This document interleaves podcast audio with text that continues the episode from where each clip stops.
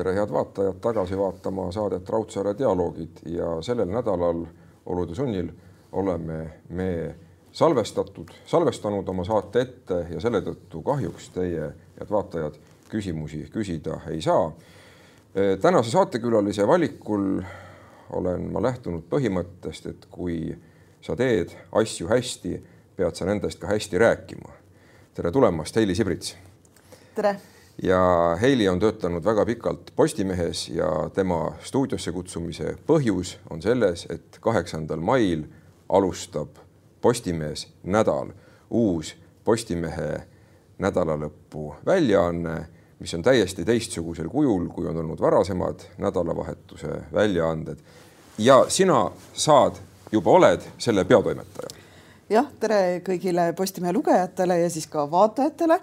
Eh, jah, meil sellel laupäeval ilmub täiesti uues kuues, täiesti uus äh, ajaleht, mis siis, et ma ütlen uus, on ta siiski sellesama Postimehe sada kuuskümmend kolm aastat vana Postimehe järjepidevuse kandja ja ka Postimehe äh, lisa, aga samas saab seda Postimees nädalat erand, mitte erandkorras, esimest korda öö, osta pärast laupäeva samuti, kui siiamaani Postimehe nädalavahetuse komplekt äh, läks nii-öelda vanaks äh, pühapäeval, sest esmaspäeval tuli uus leht peale, siis nüüd me teeme esimest korda nädala ajalehte, et mida siis saavad kõik Postimehe tellijad äh, kes tellivad täispaketti, aga seda saab ka eraldi tellida. see oli siis see reklaamjutt. aga kui ma siin ütlesin, et, et meil on kõik, kõik uus, siis äh, pean ka kõikidele Postimehe nädalavahetuse fännidele ütlema, et ärge muretsege. Juurikas on sees, AK on sees, Arteri, kõik need teie armastatud rubriigid on meil jätkuvalt selles uues nädalas. ei ole kadunud toit, ei ole kadunud tervis, ei ole kadunud persoon, reportaaž, kõik on natuke lihtsalt äh, saanud värskenduse kõik teie lemmikajakirjanikud on ka minu meeskonnas. nii et äh, ma arvan, et on tulemas väga äge ajaleht ja, ja mitte ainult ühekordselt äge, vaid ma luban, et see kordub laupäevast, laupäevast laupäevani mul on suurepäraselt äh, hea meel, et äh, sa nõustusid vastu võtma selle väljakutse, mitte kohe, aga teatud mõtlemise järel et mulle meeldib, kui on Postimehe tegijate ja Postimehe juhtide seas ka naisi ja sina oled olnud pikalt, kui ma nüüd ei eksi, üksteist aastat kultuuriosakonna juht. selle tõttu me hakkame kohe varsti lisaks Postimees nädalale rääkima ka kultuurist ja ma olen päris kindel, et kõik Eesti kultuuriinimesed, keda võib nimetada vähegi kultuuriinimesteks, teavad sind jah, ma olen Postimehes olnud kuusteist aastat kokku ja üksteist aastat siis juhtinud Postimehe kultuuritoimetust. Mul oli väga raske seda jah-sõna anda sulle, et tulla nädalat tegema, aga üks, mis mind nagu noh, mitte ei saa öelda meelitas, aga, aga et miks mul oli ka natuke kerge seda vastu, seda jah-sõna anda, oli see, et Postimehes nädalas on väga tugev kultuuriplokk, et ma jään endiselt kultuuriga seotuks ja, ja ma usun, et tulevikuski ma näen oma noh, jätkuvat karjääri just kultuuriajakirjanduses ja ma usaldan täielikult seda kultuurimeeskonda, kes täna on, et, et ma tean, et nad saavad ka ütleme minu eemaloleku ajal väga hästi hakkama, et, et jah, et, ja. ja koostöö nendega on väga tihe. aga nüüd räägime natuke ka sinu isikust, et mis on huvitav, on see, et sa oled pärit Kohtla-Järvelt, kust ei ole pärit just paljud ajakirjanikud, mõned siiski, aga vähesed no siin teen kaks täpsustust, et kui jah, ma olen Kohtla-Järvel õppinud ja kasvanud ja siis, kui mina seal olin laps või noh, kuni siis keskkonna lõpuni oli meil ka kodu Kohtla-Järvel, aga tegelikult päris, päris kodu on ja kus minu vanemad praegu elavad, on sellises äh, mõnusas kohas nagu äh, Rissena pealinnas, A külas Aa, rand, rand Põhja-Eestis, kaks tähte. A, et jah, et, et minu tegelikult päris juured on A külas, just, aga, aga ja kui mina üheksakümnendate keskpaigas alustasin ajakirjanduses, siis tegelikult oli äh, päris palju ka Kohtla-Järvelt pärit ajakirjanikke. see oli ju see metsik aeg, kus punkarid läksid ajakirjandust tegema ja Kohtla-Järvel oli väga tugev pungiskeene ja. miks see nii oli, kas see oli vastupanu Nõukogude võimule?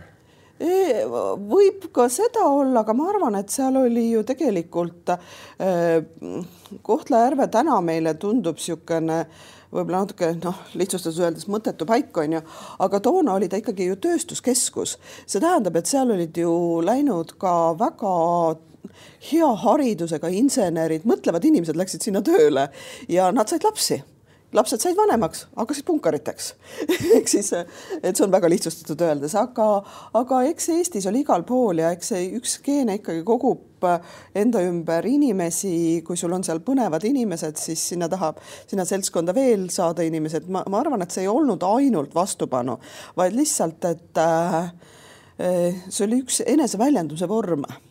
ma millegipärast oletan, et veeta oma keskkooliaeg Kohtla-Järvel võiski olla ka hüppelaud kultuuri. miks? kuna raamatukauplustes oli alati saada kõiki haruldasi eestikeelseid raamatuid nii Kohtla-Järvel kui Narval. jah, ja raamatukauplused ja raamatud on minu elus väga olulised olnud, et mul on noh meil oli Kohtla-Järvel korter, mida me jagasime kuni siis tegelikult kaheksakümne kaheksanda aastani vene perekonnaga, et, et neljatoaline korter, kus kaks kord tuba oli siis minu perekonna või vanemate käes ja teine kaks tuba oli vene perekonna käes, väga sümpaatne. päris kommuuni elu siis? ja väga sümpaatne perekond oli tegelikult ja, ja siis äh, see tuba, kus mina elasin lapsena, oli ütleme tapeedi asemel võiks kasutada, kuigi seal oli tapeet ka, kõik seinad olid kaetud raamatutega ja minu sõbranna kodus olid kõik seinad kaetud raamatutega. Ja mul on äh, siiamaani turvaline tunne olla nendes ruumides, kus on raamatud.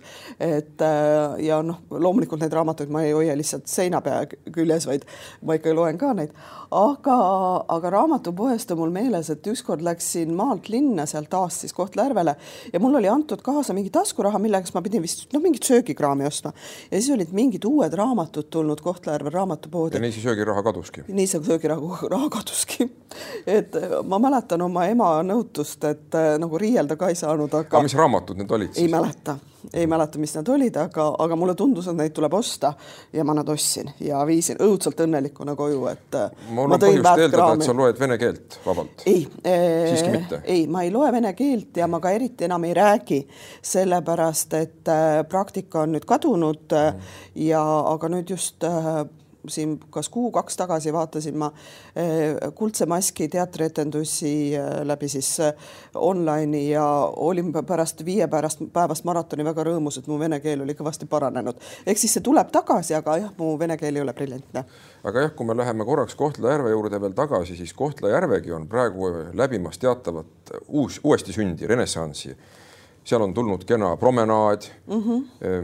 minu meelest see on ka nende Ida-Viru linnade iseärasus, et inimesed promeneerivad nädalavahetusel, et äh, kas ka siis? ja, ja aga noh, ma ei olnud väga palju Kohtla-Järvel toona, sest et minu vanemad ikkagi igal vabal hetkel sõitsid maale ja ma olin ikkagi kogu Sinna aeg seal maa aasse.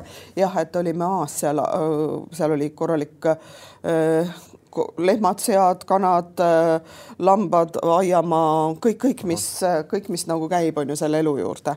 et, et ka see maailm on mulle tuttav, aga vaat, kui sa küsid selle Kohtla-Järve ja kultuuri kohta, siis Kohtla-Järvel tegelikult või Jõhvis küll toona oli ja praegugi. Jõhvi oli, tuletame vaatajatele meelde, Jõhvi oli toona Kohtla-Järve osa. jah, et, et Jõhvis oli väga korralik kunstikool, väga tugev kunstikool uh mhm. -huh. ja, ja ka muusikakoolid on seal väga tugevad ja meil oli ka ju väga tugev rahvatantsu traditsioon meie koolis, aga mina käisin äh, ikkagi, ma ei teagi kuus aastat vähemalt äh, kunstikoolis, äh, sest see oli, äh, see oli nagu üks elustiili osasid või siis, et, et noh, et, et oligi hobi on ju ja, ja., ja õppimine, et väga-väga mõnus ja hariv olid seal, õpetajad olid head ja ja niisugune huvitegevus oli tegelikult Kohtla-Järvel väga tugev ja seda toetati mm. -hmm. aga ometigi võttis ajakirjandus sinu tähelepanu kohe peale Kohtla-Järve juba tegelikult keskkooli ajal, nagu ma aru saan mm. -hmm. kümnenda klassi paiku hakkasid sa tegema kaastöid. jah, et, et see oli tegelikult see, et ma otsisin äh, sõbrannaga koos Tallinnasse tööd, sest et noh, üheksakümnendate keskpaik oli ju, raha oli kõigil vähe ja pidi tööle minema. no see oli väga vaene aeg. jah, ja siis äh, ja noh, suvega tuli ju midagi ette võtta ja siis ma tulin sõbrannaga koos Tallinnasse, et meil oli üks tuttav punkar lubas äh, leida tööd ühes restoranis ettekandjana. mobiiltelefoni ei olnud, tuletan inimestele meelde, sõitsime Kohtla-Järvelt siis Tallinnasse, leidsime selle Punkari restoranist üles, ütles, et ei, aga see töökoht on juba ära antud mm. -hmm. ja siis me küsime, et aga, aga mis tööd siin Tallinnas veel on? ja siis et ei noh, ma ei tea, aga ajaleht Post otsib endale ajakirjanikke. mina ei teadnud ajalehest Post mitte midagi Äh, kollasest ajakirjandust, Posti eeskujudest ma ei teadnud midagi. mul ei olnud ka mingit unistust saada ajakirjandustööle, et minu unistus oli tegelikult ikkagi natuke teatriga seotud, äh, kuhu ma ka nüüd otsapidi olen jõudnud, aga, aga jah, et, et siis me läksime sinna Posti toimetusse selle sõbrannaga ja ja küsisime, et noh, et, et kas saab tööd. Ja toonane see Posti peatoimetaja Toomas Liiva ütles, et okei okay,, hakake kirjutama. Ja me siis lubasime kirjutada ja järgmine kord Toomas Liiva nägi meid Balto Skandali festivalil ja küsis, noh, tüdrukud, kus te tekstid on? ja siis me saime sellest innustust ja kirjutasime oma esimesed tekstid ja nii me see esimene suvi sai see möödud.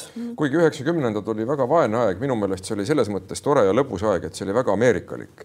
sa võisid kuhugi sisse minna ilma igasuguse jamata, öeldi palun väga, hakka pihta ja, ja kui mm -hmm. sa olid tegija, sa said tööd. ja nii ka sinuga, et sa said tööd seal postis, tuletame võib-olla ka vaatajale meelde, et mida see ajaleht endast kujutas, see on nüüd juba Eesti ajakirjanduse ajalugu mm -hmm. otsapidi. no ajaleht Post oli siis äh, kõige esmasem Kõmu, Kõmu väljaanne, kus siis väidetavalt küll meil mõeldi tekste ka välja, aga üldiselt ikkagi see, see välja mõeldud tekstide osakaal oli väike, seal koos, seal tehti tööd südamega ja tänasel päeval võib-olla kõige rohkem võiks eh, sarnaneda see sisu Õhtulehega, aga noh, see on ka väga vägivaldne seos, aga et inimesed aru saaksid, et millega tegu oli, et jah, see oli. no ütleme, Õhtuleht on muidugi natukene juba selline, kuidas ma ütlen, kodanlikuks muutunud, kui ma ja, tohin ja, välja teha siin et äh, ikkagi rebel, selline mässuline oli toonane post, kus tehti niisuguseid asju, mida mitte kusagil mujal ei tehtud, isegi mm -hmm. mitte ka kollastena ju ilmunud Liivimaa kroonikas Liivimaa kulleris mina mm -hmm. töötasin ühe perioodi Liivimaa kulleris ja ma mäletan ühte legendaarset sõpruskohtumist Elva Kadaka baaris, kus kohtus siis kuller ja favoriit ühelt poolt, mitte et oleks olnud mingeid sportlikke võistlusi, aga mm -hmm. lihtsalt noh, nagu vahetati mõtteid. ja teiselt poolt siis see ajaleht Post ja nii et, et vägagi mälestusväärsed ajad, mhm. üheksakümnendad mm. -hmm aga sinna posti sa mitte ei jäänud, vaid liikusid ju edasi ühel hetkel, kuna see post läks kinni. jah, post läks pankrotti ja siis äh, pärast seda olen ma töötanud äh, äh veel paaris väljaandes äh, pikemalt, noh, korraks peatusin ka Kulleris, mida sa mainisid äh,. pikemalt olin ma ajakirjas Seltskond, mis on äh, Kroonika õde toonane ja siis äh, nädalas mm, -hmm. et post, kunagi ilmus niisugune äh, ajakiri nagu Nädal, mis oligi siis äh, telekava laiend, saame, võiksime öelda, et me tegelesime seal nädalas telesaadete ja telestaaride elu ja taustade avamisega, et, et võiks öelda, et ma nüüd jõu, olen jõudnud ringiga uuesti nädalasse, sest et üks kuusteist aastat tagasi, kui ma Postimehesse tulin, siis ma tulingi nädalast Postimehesse. Mm.. Et... algul Arterisse ju, mis ja. oli alanud, ta ei olnud väga kaua aega ilmunud, Merit Kopli oli enne sind selle käivitaja ja juht sealt ta siirdus Postimehe peatoimetaja mm -hmm. kohale. pool aastat peale kusagil siis peale Arteri ma... käivitamist olid sina siis, kes võttis ohjad üle ja, ja tegid seda viis, viis aastat, aastat., viis aastat juhtisin ma Arterit ja Postimehe B-osa. E, ja see oli väga meeleolukas ja väga tore aeg ja, ja, ja pärast seda siis ma liikusingi Postimehe kultuuri. vot nüüd minul hakkabki kohe huvi tekkima, et et ja võib-olla ma loodan ka, et vaatajatel mm, -hmm. et eh, kuidas on ajakirjandus muutunud nende aastate jooksul, sest et eh, see aeg on olnud pikk. see aeg, mis sa oled ajakirjandust teinud, on põhimõtteliselt see kogu meie taas iseseisvumise aeg. noh, ka mul on endal olemas see kogemus, mis on olnud ajakirjandus ja kuidas see on muutunud selle aja jooksul, aga, aga mind huvitab sinu vaade. see on, üks asi on muutumatu inimesed hindavad head lugu Nad ta-, äh, üks, kas lugu on siis antud äh, paberile trükituna, ajakirjas, ajalehes või siis on ju tele-eetris, raadios, lugu köidab inimesi siiamaani. aga mis on hea lugu, kas see on nagu olemuslikult põnev või siis ka hästi jutustatud? mõlemat, mõlemat, et hästi jutustatud samamoodi ja et see on see, mis on muutumatu, aga mis ja noh, ja uudised on muutumatud, uudised, taustalood, need kõik, see põhimõtteliselt inimene on muutumatu ja uudishimu kütab inimest edasi ja, ja uudishimu on ka see, mis paneb meid avama nii veebis asju kui siis on ju paberis ajalehti. Aga mis on muutunud, on töökoormus muutunud, et äh, see, mina ütlen, et äh, töökoormus näiteks ka selle kuueteist aasta jooksul, mis mina Postimehes olnud, on iga aasta ühe väikse õlekõrre jagu pandud sulle juurde, aga vahepeal on sellest õlekõrrest saanud väga paks ja raske kiibas. et, et tegelikult ajakirjanikel on aina vähem võimalik olla lihtsalt ajakirjanik, nad peavad olema kõike muud sinna juurde. siis on muutunud ajalehed ja ma ei mõtle siin ainult Postimeest, vaid tegelikult kogu meediat eh, palju meelelahutuslikumaks. Eh, ja teine, mis on muutus toimunud, et on ka tõsisemaks mindud, et tegelikult seda eh, katsetamist, lustimist ja eksperimenteerimist, seda on meediamaastikul palju-palju vähem kui. aga siin on ju teatud vastuolu, et kas siis on ikka tõsisem või on meelelahutuslikum? mõlemat, et tõsisem selles suhtes, et, et vaoshoitum Äh, ja meelelahutuslikum selles osas, et, et, et kui ma nüüd olen jälginud, mis on toimunud Eesti kultuuriajakirjanduses äh, viimases üheteist aasta jooksul, siis ma pean kahjuks tõdema, et äh, Postimehe kultuurikülgede kõrvalt on ära kadunud Päevalehe kultuuriküljed, Ekspress on koomale tõmbunud ERR-is on toimunud väga suur ringvaadestumine.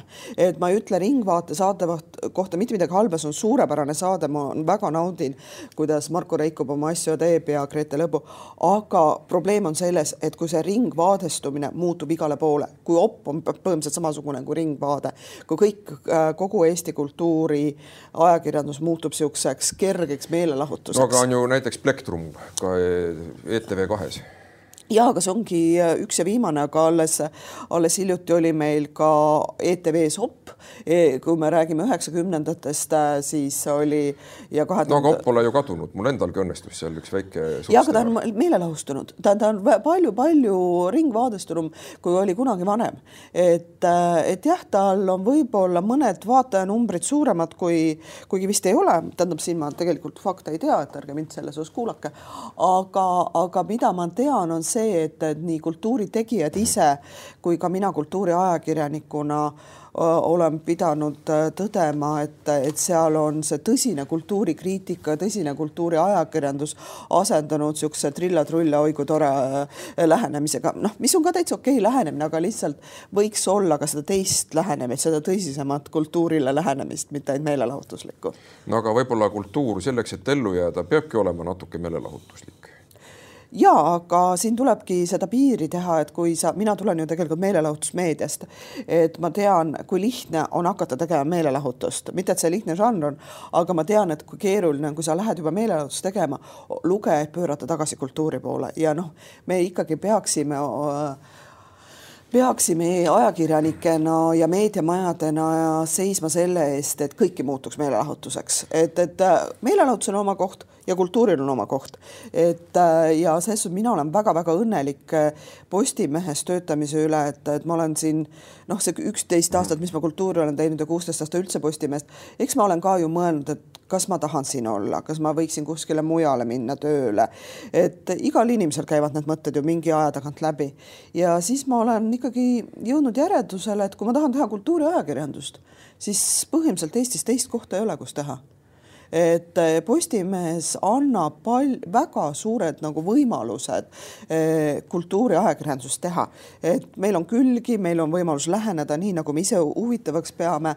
et, eh, et see on nagu väga-väga suur väärtus ja see ja see, et nagu Postimehes seda nagu siiamaani nagu lub, mitte lubatud teha, vaid soositud teha ja ma näen ka tulevikus, et, et ma arvan, et see on õige tee, sest meelelahutust peab ka tegema mm, -hmm. aga meelelahutuse kõrval tegelikult on vaja ka tegeleda kultuuriga. oota, aga räägime ikkagi meelelahutusest kultuuriajakirjanduses või meelelahutuslikkusest mhm. kultuuriajakirjanduses mm. -hmm kas need on ikkagi täiesti vastandlikud asjad, et me ei saa ju teha kultuuriajakirjandust sellise tõsise murekortsuga otsa ees, mis on selline ei, no, tahan... raske kangutamine, nahkne, nagu Sulev Uus ütles, legendaarne ajakirjandusõppejõud, et keegi seda lõpuks ei loe. ei loomulikult, et äh, kultuuriajakirjandus peab olema ikkagi huvitavalt tehtud ja no, haaravalt kirjutatud mis on kahju ühtpidi huvitav lugemine, aga seal on mingisugune kolm tuhat lugejat no..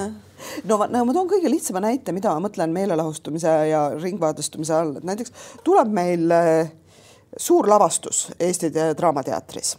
Ja siis on äh, seal siis võimalik teha kas lavastaja või näitlejaga intervjuu. et kuidas sa siis lähened sellele, kas sa räägid selle näitleja lavastajaga äh, tööprotsessist, teatrist -hmm. või siis küsid, aga mida sa hommikusöögiks sõid et äh, millist teed sa eelistad. mida see muudab, mida Nüganen hommikusöögiks sõi? aga ei muudagi, aga see ongi see meelelahutustamine, see ongi see, mida väga sageli tehakse, et, et me näeme meedias väga palju näitlejaid, aga nad ei räägi oma tööst, nad ei räägi sellest, mida nad arvavad teatri arengust või et äh, noh, just sellest, millest võiksid nad ka rääkida. Nad räägivad Eesti ühiskonnast, nad räägivad ökomõtlemisest, noh, millest võib ka rääkida, aga kui me teeksime analüüsi analüüsi ja võtaksime kokku ühes aastas ilmunud näitlejate portreed Eesti meedias, siis enamjaolt on nad ikkagi mitte rääkivad oma sellest tööspetsiifilisest, vaid nad räägivad sellest, et äh, mul on niisugune väljend, et nad ütlevad, et tule, näitlejanna tuli kohvikusse, vaatas kaugusesse, võttis lonksu teed, öko mingit kohviuba ja ohkas ma tahaksin olla palju parem inimene, aga ma ei saa et noh, ja, ja siis tuleb ja siis tuleb see edasi. Ja see on nagu kordub numbrist numbrisse Eesti naiste ajakirjades on ju. ja, ja no mulle see... tuleb meelde üks teine klišee, see on see, et ütles kohvi rüübates ja naerma puhkedes. just, just. Või siis on ju pani põlved endale siia alla on ju, või noh, kõik noh, niisugused asjad, et need, need, need on niisugused stambid, need meelelahutused, see võib olla, see on väga hea.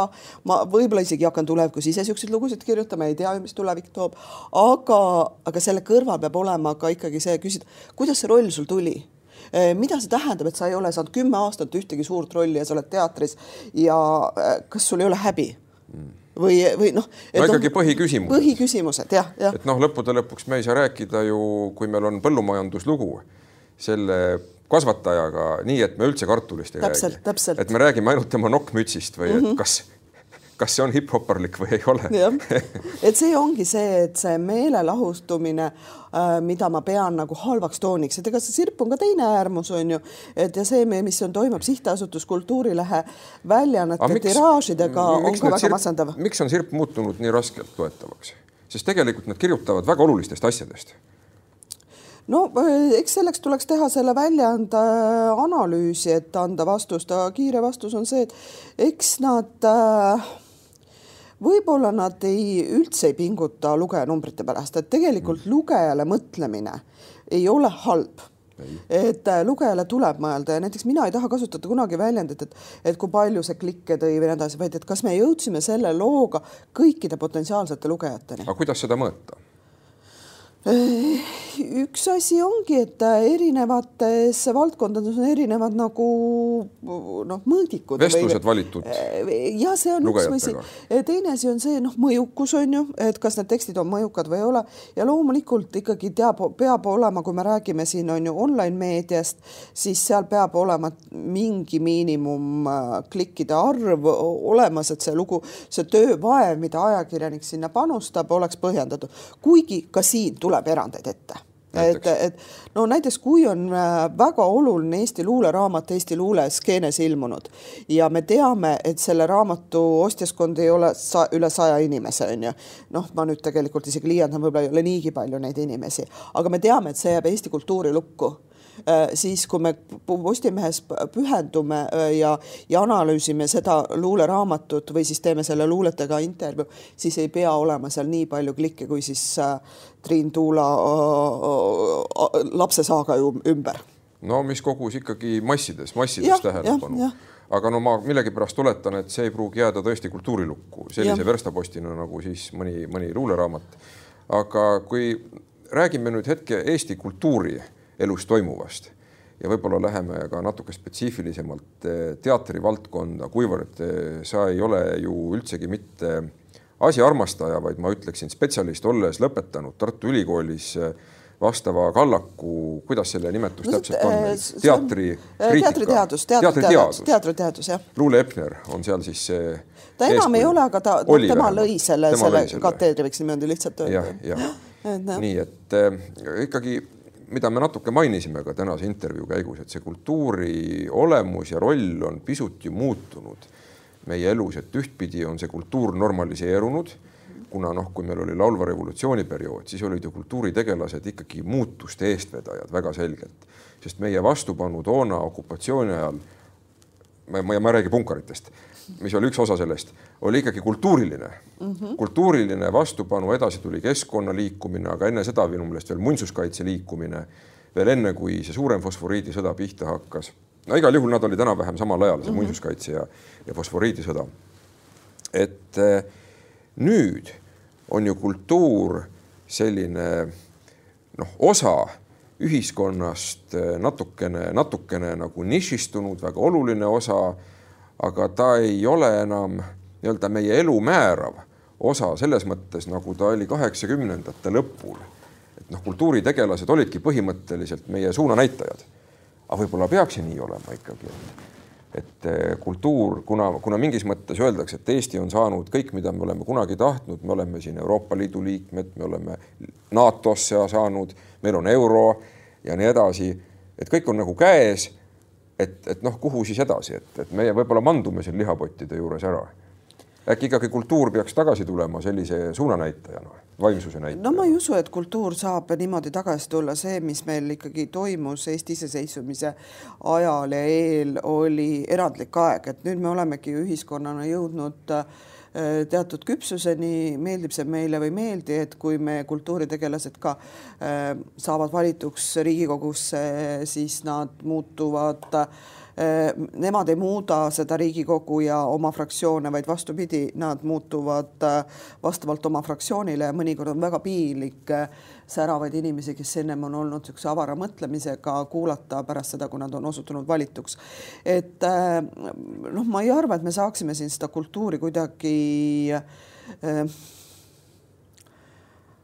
panna Eesti riigi vankri ette aga mida me saame, on tegelikult ühiskonnana nagu väärtustada mm -hmm. ja julgustada sõna võtta, et nagu targad inimesed ei oleks vait. et äh, siin on tegelikult ka meedia osa, et meedias me ise oleme lasknud liiga palju eetrisse äh, lauslollust ja, ja, ja seda kisa, mis, mis toob meile tähelepanu, aga mis ei vii äh, dialoogi edasi või üldse ei tekitagi dialoogi. et äh, me peaksime meedias soodustama tarkuse nagu esiletoomist või ja rahulikku arutelu ja selles osas, et et just seesama, et me ei peaks siis jälgima, on ju, kui palju see no meile klikke toob või kui palju see nagu tähelepanu toob, et kui palju see vastakaid arvamusi toob. Ja mida kindlasti Postimees on aidanud kaasa sellele, on see, et et meil on ikkagi äh, väga kontrollitud äh, kommentaarikeskkond, aga mida me ei saa äh, kontrollida, on siis ikkagi Äh, näiteks sotsiaalmeediat, et see, miks vägagi paljud äh, inimesed, kes võiksid äh, oma mõtteid avaldada, avaldada, on vait, on see, et nad ei saa ei taha kulutada oma energiat selle sõimu ja, ja nagu negatiivse tagasisidega, mis tuleb ühiskonnas pärast seda, kui nad midagi on tasakaalukat öelnud. no aga seda ei pea ju lugema.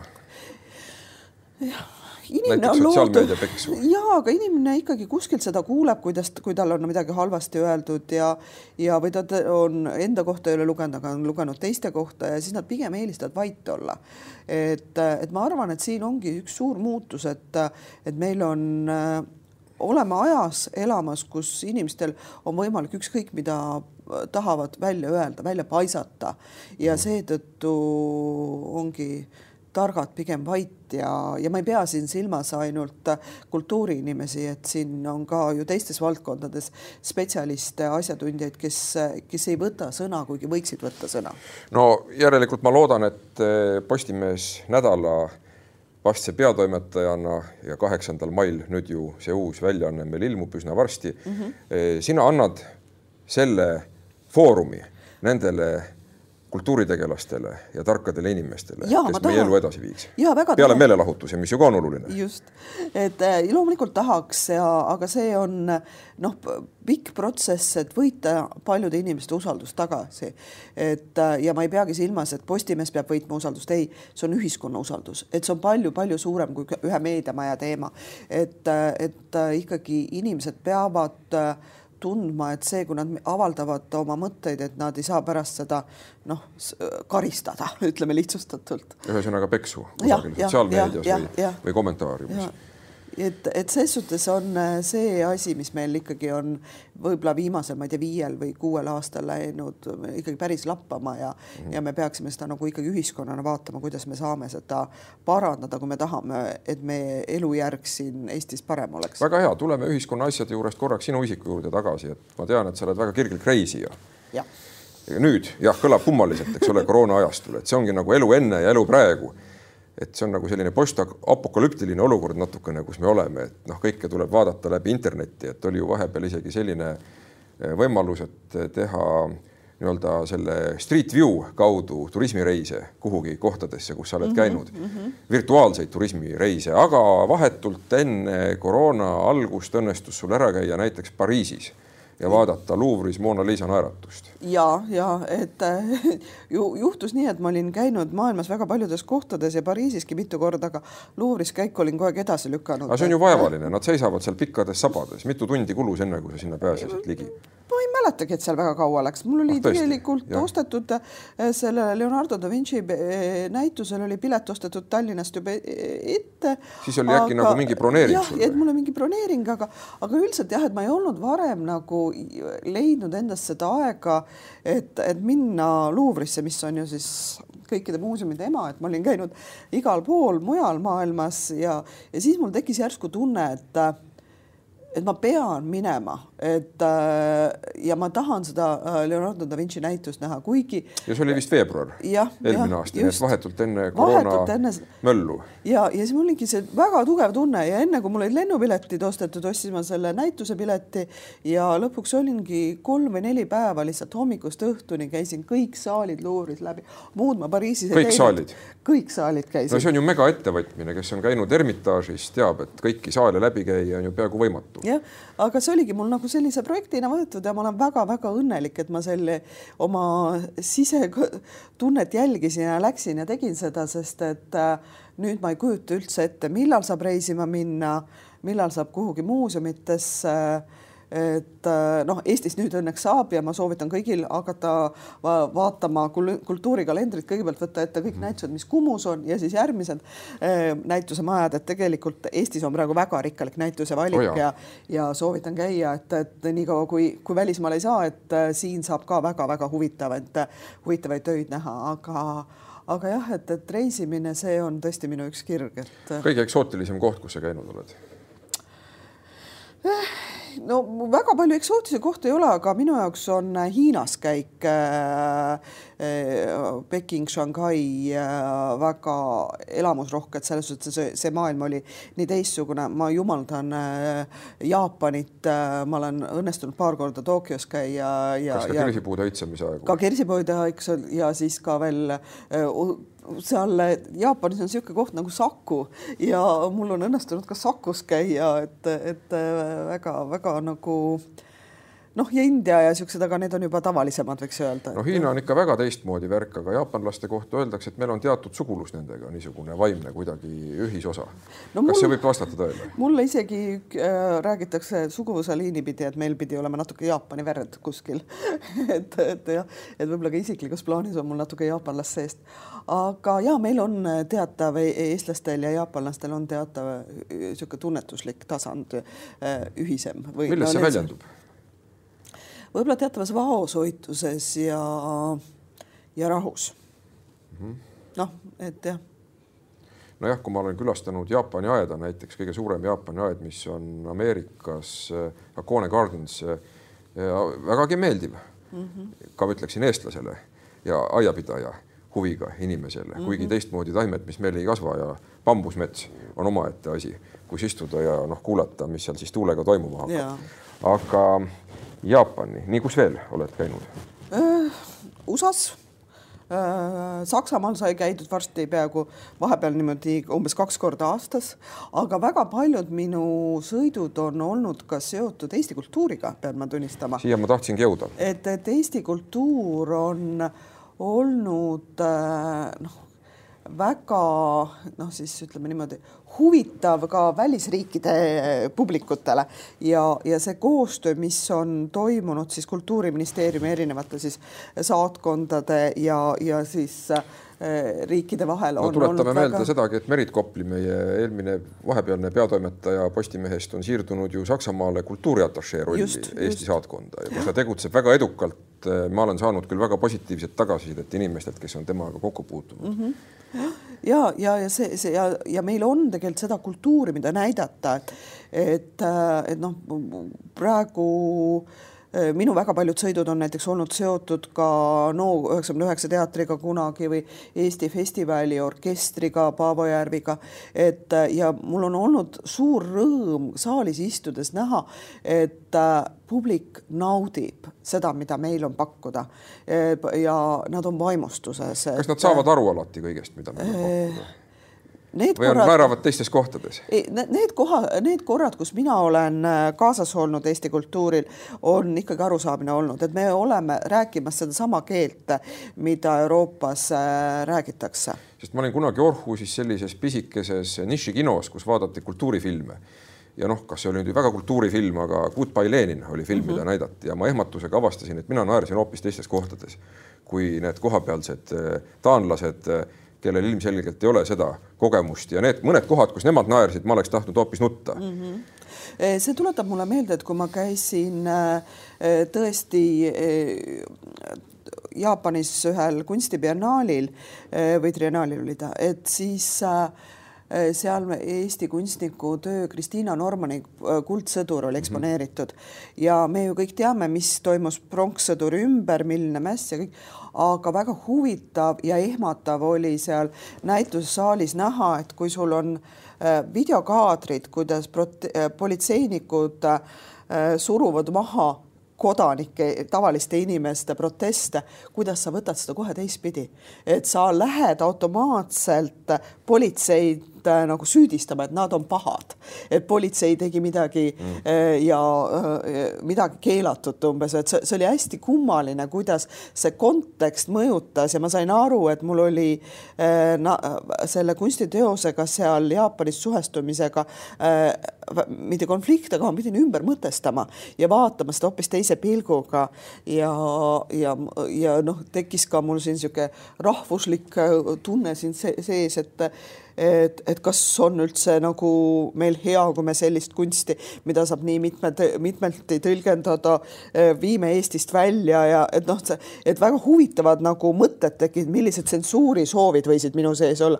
et, et, et see loomulikult sisemonoloogiga ja dialoogiga ma jõudsin sinna, et kõik on okei okay ja tegelikult Kristiina Normani töö on väga efektne ja, ja mitmeti kõnetav ja, ja, ja noh, kahju, et seda Eestis nüüd ei ole võimalik näha olla näha, aga, aga, aga jah, et, et see oli huvitav, kuidas kontekst mhm. muutis mm -hmm. ja kuidas ma nagu, millised tunded ja mõtted mu sees tulid, mida ma ei arvanud, et minu sees üldse olemas on, onju. ma pidasin ennast väga liberaalseks ja vabaks ja kõike muud, aga tuli välja, et no nii. minu sees on üks teine Heili ka veel. no nii, no nii et äh, rasked küsimused tuleb jätta alati saate lõpuks, et siis, kui külaline äh, põgeneb, ei juhtu ka midagi hullu, kui on jäänud ainult mõned minutid saate lõpuni, et äh, me teame, et Koit Toomele tehti ettepanek kultuuriministriks hakata, et kas äh, kui tehakse sulle ettepanek ühel hetkel, et Heili, hakka kultuuriministriks, võtaksid sa vastu selle ettepaneku? ma võtaksin mõtlemisaega. Äh, vastu ma ei tea, selles osas, et, et äh, siin on nii palju igasuguseid asju, millele tuleks siis äh, kaaluda, mõelda, kes seal valitsuses on, mida seal üldse teha annab, et lihtsalt, et olla äh, tore lindi läbilõikaja, seda kindlasti mitte, aga Eesti kultuur ja kultuuris toimuv läheb mulle väga-väga korda ja nagu ma ütlesin siin meie intervjuu keskel või alguses, et, et ma loodan, et äh, minu tulevik saab tulevikus olema ikkagi seotud kultuuriajakirjandusega, et ma naasen sinna kas siis kultuurireporteriks, toimetajaks või või toimetuse juhiks, eks seda siis elu näitab. aga, aga jah, et, et kultuuril ma tahan silma nii või teisiti peal hoida ja kaasa aidata selle arenemisele Eestis ja, ja kajastamisele. mida sa ministrina teeksid? kasvõi üks asi kultuuriministrina, eeldades, et sul on ressurssi, kas betooni või inimestesse panna või mida iganes? ma vaataksin üle rahastamismudelid, sest et äh, me peame jõudma äh, jõudma nagu aastasse kakskümmend kakskümmend üks ka kultuuri rahastamises ja meil on väga palju rutiinseid tegevusi äh, ja rahastusi, mis on seotud sellega, et see on alati nii olnud. Ja see on hea, et äh, loomulikult mingid traditsioonid ja rutiinid on väga-väga vajalikud ja neid ei tohi, tohi lõhkuda. aga samas äh, meie ümber kultuurimaastik on väga palju muutumas ja muutunud ja ja siin tuleks nagu vaadata, et äh, milleks meil Eesti riigis raha on kas me kulutame seda raha õigesti, kas see läheb kokku meie nagu riigi eesmärkidega ja suunadega või siis me vahepeal lihtsalt seda vähest raha, kuigi ma ei ütle, et kultuuris raha vähe on, kultuuris tegelikult mm. raha on, aga noh, kõik, kes saavad, neile tundub, et seda raha on vähe.